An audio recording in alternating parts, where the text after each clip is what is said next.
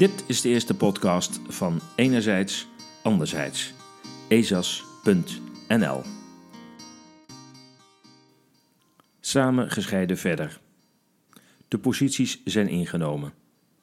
De ene groep vreest het virus in al haar varianten en is geen prijs te hoog om die te bestrijden. De andere groep ziet een beperkt of geen risico van het virus en wil hoe dan ook zijn vrijheid terug. Ook al zou dat tot een beperkt extra risico leiden. Een definitieve splitsing in de samenleving lijkt zo langzamerhand onvermijdelijk. Of er moet een wonder of een ramp gebeuren.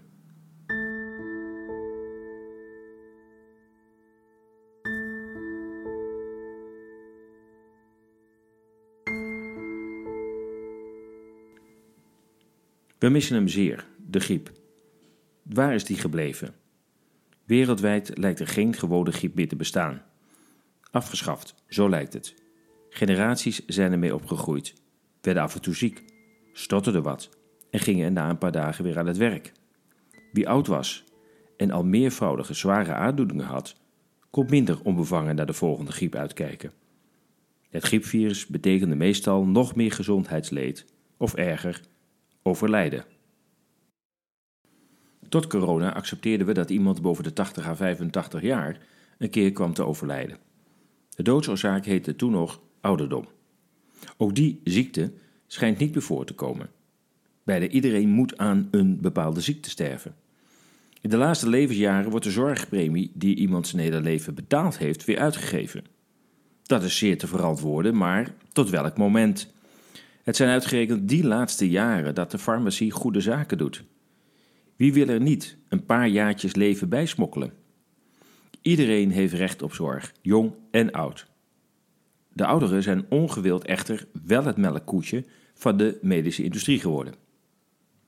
Wie jong of oud is en gezond, slikt weinig pillen en draagt weinig bij aan de omzet van de farmaceutische industrie. Maar eenmaal boven de 60 word je ineens hun primaire doelgroep. Met soms peperdure medicatie of vaccins wordt het leven zo lang mogelijk aangenaam gehouden en gezondheidsrisico's gereduceerd. De jaarlijkse griepprik, een fenomeen dat maar matig beschermt, is daarvan een bekend voorbeeld. Veel ouderen laten die overigens onder dankzegging aan zich voorbij gaan.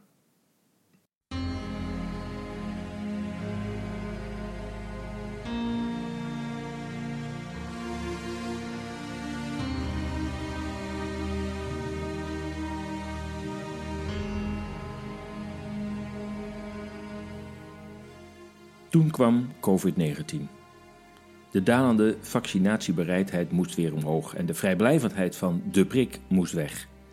Zo besloten overheden en farmaceuten tijdens meerdere congressen. Met COVID deed een killervirus haar entree.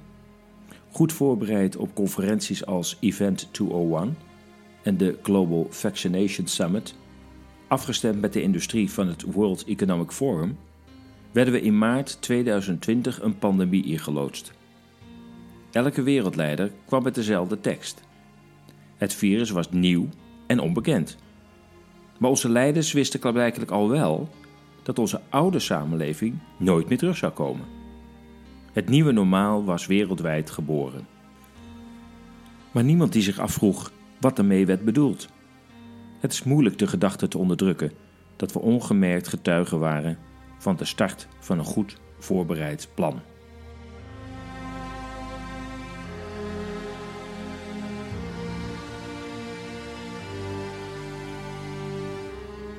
Voor de ouderen en de zorg. We doen het voor de ouderen en het beheersbehouden van de zorg. Hoe vaak hebben we dat niet gehoord? Hoe oprecht waren deze redenen voor de meest draconische maatregelen sinds de Tweede Wereldoorlog? De zorg is in veel westerse landen de laatste tien jaar stelselmatig afgebouwd. In Nederland zijn in de jaren van de kabinetten Rutte zo'n 70.000 werkers uit de gezondheidszorg afgevloeid, ziekenhuizen gesloten, IC-afdelingen sterk ingekrompen. Toch waarschuwden velen al voor een naderende pandemie, dat COVID overigens niet blijkt te zijn. Het mag verbazen dat inkrimping, zeg de afbraak van de zorg, ook na deze voorspellingen gewoon doorging. Het vollopen van IC's werd een jaarlijks terugkerend beeld. Het verplaatsen van patiënten naar andere, minder drukke ziekenhuizen werd onderdeel van de nieuwe werkelijkheid.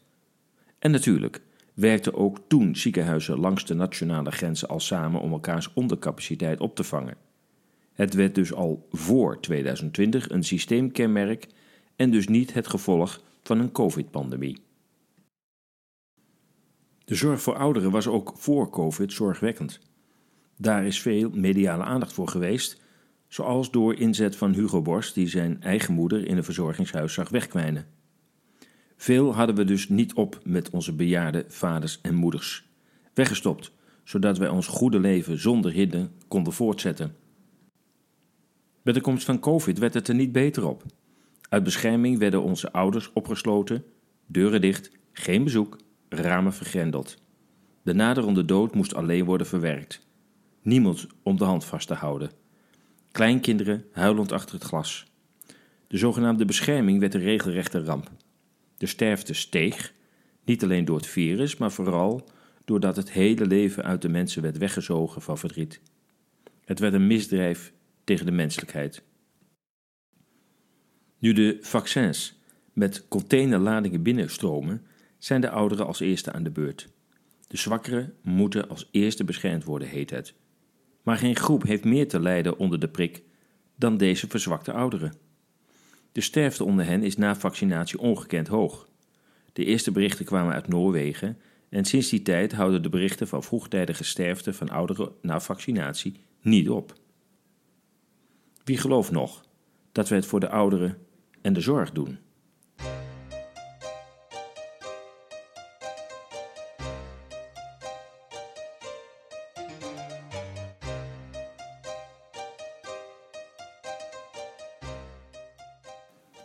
Gescheiden en toch samen verder. De wereld lijkt nu in twee kampen verdeeld. Zij die in afwachting van het vaccin hopen op een terugkeer naar de vrijheid, het teruggeven van afgepakte grondrechten, en zij die met normale hygiënemaatregelen en een gezonde houding ten aanzien van aan het leven verbonden risico's direct hun normale leven terug willen. Vaak is al gezegd dat ook na vaccinatie mensen hun mondmaskers moeten blijven dragen, afstand moeten blijven houden, omdat het vaccin geen bescherming kan tegenhouden, alleen de ernst van het verloop kan beperken. Het moet voor deze groep een tamelijk ontmoedigend bericht zijn. En of het zover komt, is natuurlijk de vraag. In de Verenigde Staten openen steeds meer staten hun normale leven zonder dat de besmettingen oplopen. Dat blijken overwegend republikeinse staten te zijn, zoals Florida en Texas.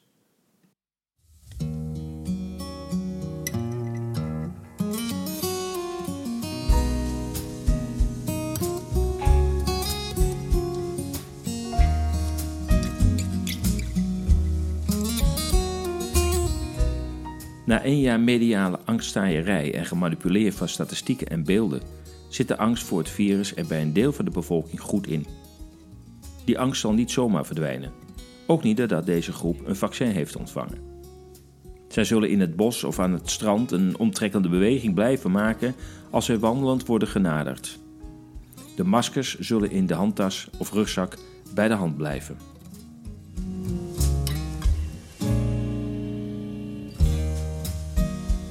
Om snel van alle maatregelen af te komen en beide groepen toch te kunnen bedienen, zullen wij voor enkele jaren aan een gedeelde samenleving moeten geloven. Zo kun je denken aan horeca die wel of juist niet alleen gevaccineerden toelaten. Theaters die veilige voorstellingen aanbieden voor hen die graag met een mondmasker en vaccinatiebewijs naar een toneelvoorstelling willen. Treinen die naar analogie van de vroeger gebruikelijke roken en niet-roken coupés een scheiding maken tussen gewone, vrije coupés waar maskers verboden zijn, en veilige coupés waar ze verplicht zijn. Supermarkten die zich richten op één van beide doelgroepen of speciale veilige uren instellen. Dit geldt voor alle activiteiten. Of men richt zich vast op één van beide doelgroepen, of men hanteert speciale vrije uren en veilige uren. De verwachting is dat de angst op deze manier zal slijten en iedereen in een vrije coupé wil zitten.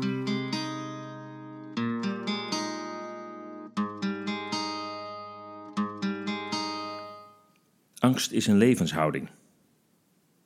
Het onderscheid tussen de angstigen en de angstvrijen, als we die zo generaliserend mogen noemen, is vooral bepaald door iemands levenshouding. Mensen met een gezagstrouwe instelling zullen langer de regels van de overheid en de door de media verkondigde berichten volgen, dan zij die het leven meer nemen zoals het komt. Risico's niet uit de weg gaan en een hoge autonomie in hun denken en handelen hebben. De huidige ervaring leert dat politieke voorkeur of opleidingsniveau beperkte factor zijn bij de keuze. Samen vormen we één en dezelfde samenleving. We moeten dus verder.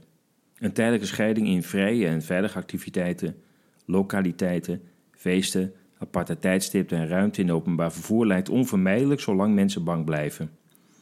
De angst is ongegrond en is als stressfactor ongezond. Diegenen die zich zelfstandig informeren weten dat de dodencijfers ten gevolge van COVID in de Verenigde Staten met een 16-fout naar beneden is bijgesteld, dat de case fatality rate, het aantal mensen dat besmet raakt en ook zal sterven, nu op 0,15% ligt. En dus precies tussen de 0,1 van de lichte griepgolf en 0,2 van de zware. De griep wordt nu verkocht als COVID, terwijl COVID al meerdere malen ons heeft geplaagd, maar toen nog gewoon de griep werd genoemd. Ondertussen gaan steeds meer landen of deelstaten open, zonder gevolgen voor de ontwikkeling van het virus. Maar wie een jaar in dit geplande bedrog heeft geloofd, heeft een lange en angstige weg te gaan op weg naar een normaal leven. Een leven van plezier, ontmoeting, van ervaringen opdoen, van risico's aanvaarden, op weg naar het onvermijdelijke afscheid. Ongeacht of je vrij of veilig leeft. COVID heeft de levensverwachting op geen enkele wijze beïnvloed. Beide groepen, zij met en zij zonder COVID, zullen gemiddeld 83 jaar oud zijn bij overlijden. De keuze lijkt dan ook helder. Leef.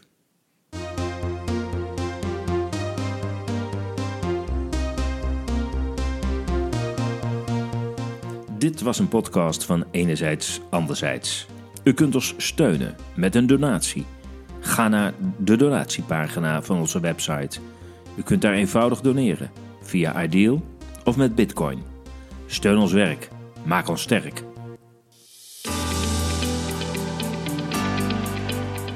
Enerzijds anderzijds zoekt naar nieuwe inzichten in actuele thema's. De massamedia die lang werden vertrouwd, hebben dat vertrouwen bij velen verloren. Enerzijds anderzijds wil met haar berichtgeving meer balans brengen in actuele onderwerpen. Lees onze actuele berichten en artikelen op ezas.nl en laat uw mening achter. Deel onze artikelen.